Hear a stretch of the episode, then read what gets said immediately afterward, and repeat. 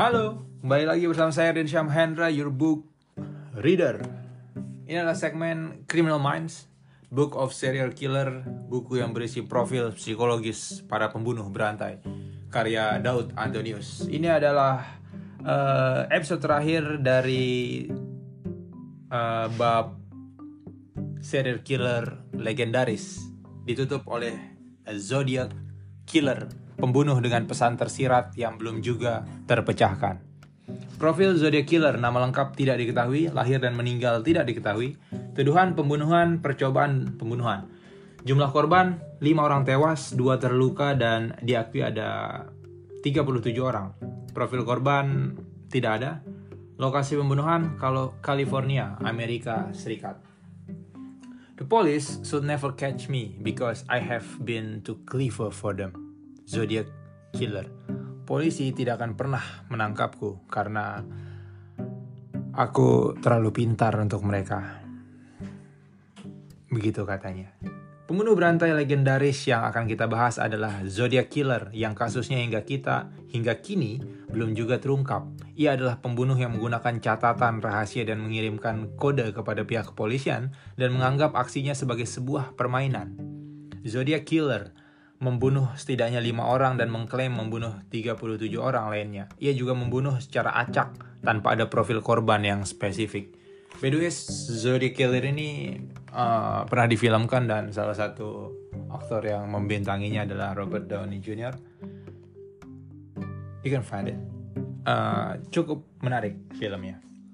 Kasus Zodiac Killer Sekitar tahun 1968 sampai 1969, Zodiac Killer menyerang setidaknya tujuh orang di empat lokasi yang berbeda di kawasan California, Amerika Serikat. Lima orang di antaranya meninggal dan dua orang korban selamat dengan luka-luka. Ia rata-rata menyerang pasangan muda-mudi yang berada di kawasan terpencil. Hingga saat ini, pihak kepolisian belum mampu mengungkap siapa pelaku yang sebenarnya. Kasusnya menjadi pusat perhatian ketika pelakunya mengirimkan beberapa pesan bersandi kepada media dan pihak berwajib. Ia bahkan menamai dirinya sendiri sebagai Zodiac Killer dan meminta pihak kepolisian menangkapnya sebelum korban lain berjatuhan. Surat yang dikirimkannya adalah teka-teki dengan menggunakan kriptogram atau semacam simbol-simbol khusus. Kasus ini sempat dinyatakan ditutup tahun 2004, namun kemudian dibuka kembali di tahun 2007 sampai sekarang. Timeline pembunuhan Kasus pertama yang dikaitkan dengan pembunuhan oleh Zodiac Killer adalah penembakan siswa sekolah pada tanggal 20 Desember 1968 yang bernama David Faraday, 17 tahun, dan Betty Lou Jensen, 16 tahun. Keduanya dibunuh dengan cara ditembak ketika sedang duduk dalam mobil yang sedang diparkir sekitar jam 11 malam. Dalam keterangan orang tua mereka, kedua pasangan tersebut berencana untuk menghadiri sebuah konser Natal dan berhenti di sebuah restoran lokal. Ketika polisi datang, Betty sudah tewas dan berada di luar mobil, sedangkan David sempat bertahan hidup dan meninggal dalam perjalanan ke rumah sakit. Tidak ada barang yang hilang dalam kejadian ini. Polisi awalnya tidak mengetahui bahwa pelakunya adalah seorang pembunuh berantai. Mereka menginvestigasi para sahabat dan mantan pacar. Bahkan, seorang saksi memberi keterangan bahwa detektif yang menyelidiki kasus ini pada awalnya mengira ini adalah kasus karena narkoba. Kejadian berikutnya yang dikaitkan dengan Zodiac Killer muncul pada tengah malam tanggal 4 Juli 1969. Lokasi kejadiannya juga hanya berjarak beberapa kilometer dari kejadian pembunuhan sebelumnya. Korbannya kali ini juga adalah pasangan yang bernama Darlene Ferrin 22 tahun dan Michael Migu 19 tahun yang pada saat ditemukan keduanya terkena luka tembak dan masih hidup. Namun dalam perjalanan Darlene meninggal dunia sementara Michael berhasil selamat. Ia mengatakan bahwa seorang datang dan menyorot mata mereka dengan cahaya dari senter, lalu kemudian menembakkan senjata sebanyak lima kali.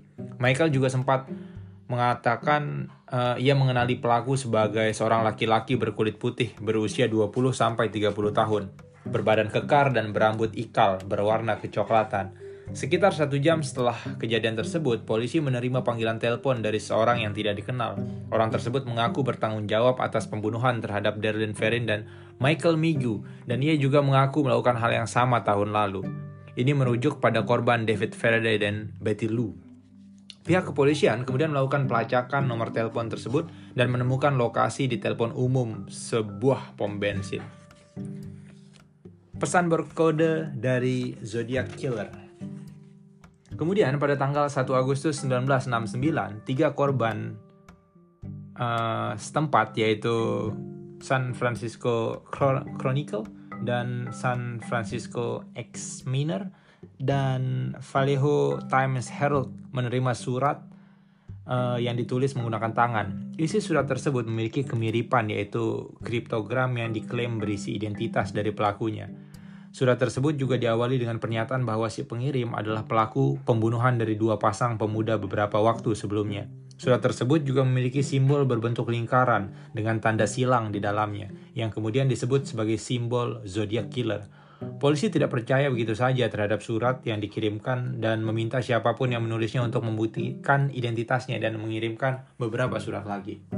Selanjutnya, tanggal 7 Agustus 1969, sebuah surat lainnya kembali diterima. Surat tersebut diawali dengan kalimat "This is a Zodiac speaking". Surat ini jadi saat pertama ia menyatakan diri sebagai Zodiac Killer dan dalam surat keduanya ia menyatakan beberapa hal yang sempat diragukan oleh pihak kepolisian dan masyarakat. Zodiac memasukkan beberapa hal mengenai pembunuhan yang dilakukan yang tidak pernah dirilis oleh media dan diketahui oleh masyarakat. Ia juga menyatakan bahwa jika polisi berhasil memecahkan kode yang dibuatnya, maka polisi akan bisa menangkapnya. Zodiac Killer diberitakan oleh media secara besar-besaran dan masuk ke dalam sejumlah headline. Ia juga sempat mengancam media akan melakukan banyak pembunuhan jika surat dan pernyataannya tidak dipublikasikan. Kemudian pada tanggal 8 Agustus 1969, dua orang pasangan suami istri, Donald dan Betty Harden berhasil memecahkan sebagian dari kriptogram yang dikirimkan oleh Zodiac. Di dalam pesan bersandi tersebut terdapat kata "Saya suka membunuh orang karena itu sangat menyenangkan." Dan di Dan di dalam surat itu juga ada keterangan bahwa zodiak membunuh untuk mengumpulkan budak di akhirat. Tidak ada sandi yang menyatakan identitasnya yang sebenarnya. Zodiak kemudian mengirimkan surat lagi pada 9 Agustus 1969 yang menyatakan bahwa polisi tidak akan pernah menangkap saya karena saya terlalu pintar untuk mereka dan mengklaim bahwa salah satu sandi tersebut berisi identitas aslinya. Zodiac Killer beraksi kembali Zodiac Killer kembali melakukan aksinya lagi pada tanggal 27 September 1969. Korbannya kali ini adalah pasangan bernama Cecilia Shepherd, 22 tahun, dan Brian Hartnell, 20 tahun, yang sedang melakukan piknik di pinggir danau. Menurut keterangan setelahnya, Cecilia sempat melihat seorang laki-laki yang menatapnya bersembunyi di belakang sebuah pohon di dekat mereka. Dalam melakukan aksi kejahatannya kali ini, Zodiac memakai tutup kepala layaknya seorang algojo yang menggunakan sebuah simbol di dadanya. Ia mengancam keduanya dengan menggunakan pistol dan mengaku sebagai seorang narapidana yang sedang melarikan diri. Awalnya pasangan ini mengira akan dirampok, namun setelahnya Zodiac mengeluarkan pisau panjang dan sebuah tali. Ia mengikat kedua korbannya dan menusuk bagian tubuh mereka berkali-kali. Cecilia menderita 10 tusukan dan Brian mendapatkan sebanyak 5 tusukan. Sebelum pergi meninggalkan korbannya, Zodiac juga sempat meninggalkan catatan yang ditujukan kepada pihak kepolisian dan simbol yang biasa ia gunakan dalam berbagai suratnya. Keduanya kemudian berteriak meminta pertolongan. Seorang pria dan anak laki-lakinya yang sedang memancing di danau mendengar teriakan mereka dan memanggil petugas keamanan terdekat. Saat ditemukan, keduanya masih hidup dan terluka parah. Namun sayangnya, Cecilia mengalami koma akibat luka parah yang dialaminya dan meninggal dua hari setelah kejadian tersebut. Sementara Brian berhasil selamat lalu menjelaskan kronologis peristiwa dan juga ciri-ciri pelaku kepada pihak kepolisian. Korban terakhir yang tercatat uh, dibunuh oleh Zodiac Killer adalah seorang supir taksi bernama Paul Stein, 30 tahun yang ditemukan tewas ditembak oleh penumpangnya sendiri pada tanggal 27 September 1969. Beberapa orang remaja yang berada di sekitar tempat kejadian sempat mendengar suara tembakan dan melihat pelakunya. Pelakunya digambarkan sebagai seorang pria berusia 20-30 tahun, berpostur tinggi, berbadan kekar, memiliki rambut pendek, kecoklatan, dan menggunakan kacamata. Tempat kejadian sempat mengalami kekacauan dan membuat petugas operator salah memberikan keterangan pada polisi patroli bahwa pelaku adalah keturunan Afrika Amerika. Mobil polisi yang sedang patroli sebenarnya sempat menangkap pelaku dengan ciri-ciri yang sudah tepat. Namun, kesalahan informasi tersebut membuat polisi melepaskan kembali orang yang dicurigai tersebut. Bahkan, dalam surat berikutnya yang dikirimkan oleh Zodiac Killer, Ia menyebutkan hampir tertangkap oleh dua orang polisi yang sedang patroli, namun kemudian dilepaskan kembali. Wow. Upaya penangkapan pelaku Polisi dan para saksi yang melihat secara langsung wajah dari Zodiac Killer kemudian membuat sketsa wajah. Sketsa tersebut juga sesuai dengan keterangan beberapa korban lainnya yang berhasil selamat. Dalam surat lanjutan setelah membunuh korban terakhir, Zodiac juga mengatakan ingin melakukan pembunuhan terhadap dua polisi yang melakukan kontak dengannya. Sebenarnya, polisi sempat menganggap kasus pembunuhan terakhir sebagai kasus kriminal jalanan yang mengincar supir taksi. Baru kemudian setelah uh, Zodiac mengirim surat beserta dengan potongan baju korbannya, polisi yakin bahwa pelakunya adalah Zodiac Killer. Polisi juga terus melakukan penyelidikan mendalam terhadap kasus ini, masih uh, berusaha memecahkan sandi yang dikirimkan sejak awal. Kemudian pada tanggal 14 Oktober 1969, Zodiac kembali mengirimkan surat yang berisi ancaman tentang pembunuhan anak-anak sekolah dengan cara menembak ban bis sekolah Akibat ancaman ini, sejumlah petugas kepolisian menjaga bis dan anak-anak sekolah. Terduga tersangka. Yang pertama, Ir Van Best Jr. Gary Stewart adalah seorang yang curiga bahwa ayahnya yang bernama Irvan Best Jr. adalah sosok asli dari dari Zodiac Killer. Gary juga menerbitkan buku yang berjudul The Most Dangerous Animal of All yang berisi mengenai pendapatnya tersebut. Foto Earl memang sangat mirip dengan sketsa yang dibuat oleh pihak kepolisian. Gary juga menyatakan bahwa tulisan tangan ayahnya yang ada di surat nikah mirip dengan tulisan tangan surat Zodiac Killer. Namun, belakangan ternyata tulisan tangan tersebut dibuat oleh pastor yang menikahkan Earl. Arthur Lake Allen Teori ini dinyatakan oleh Robert Graysmith, seorang yang terobsesi untuk mengungkap identitas sebenarnya dari Zodiac Killer.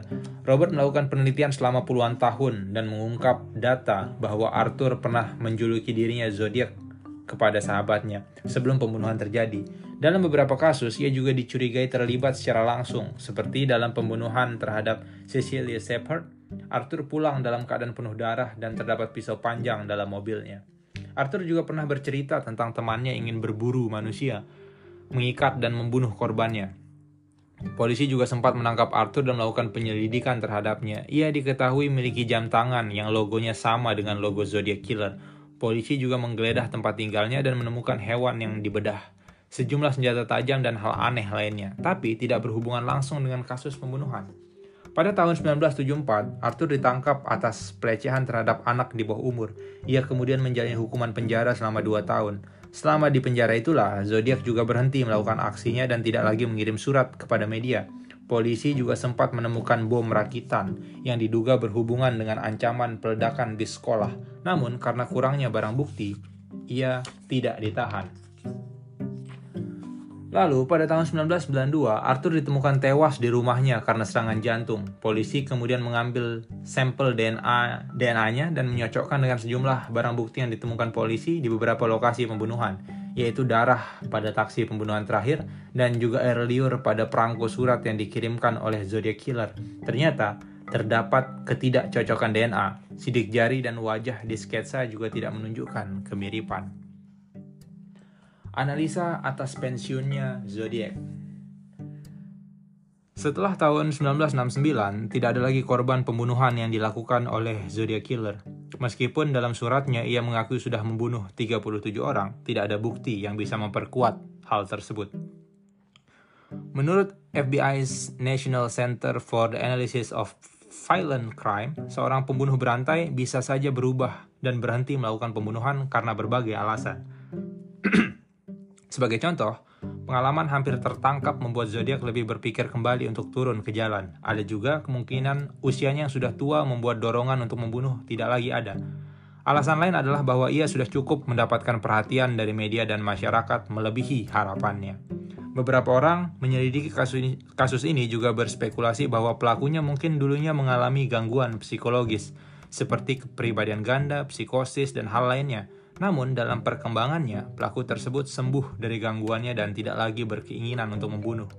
Ada juga asumsi berdasarkan surat yang dikirimkan Zodiac pada tanggal 12 November 1969 bahwa ia masih membunuh dengan metode yang berbeda. Zodiac Killer tidak ingin lagi diketahui dan mengklaim pada korbannya. Ia membuat rangkaian pembunuhan seperti perampokan atau kecelakaan biasa. Selama bertahun-tahun penyelidikan, pihak kepolisian sudah mewawancarai lebih dari 2.500 terduga pelaku, namun tidak juga menemukan secara pasti siapa pelaku yang sebenarnya. Sejumlah bukti yang ditemukan juga diragukan validitasnya, apakah benar-benar ditemukan oleh dengan sengaja diletakkan oleh pelakunya untuk mengecoh polisi. Sekian uh, kisah dari Zodiac Killer dan ini juga menutup uh, bab dari pembunuh berantai legendaris.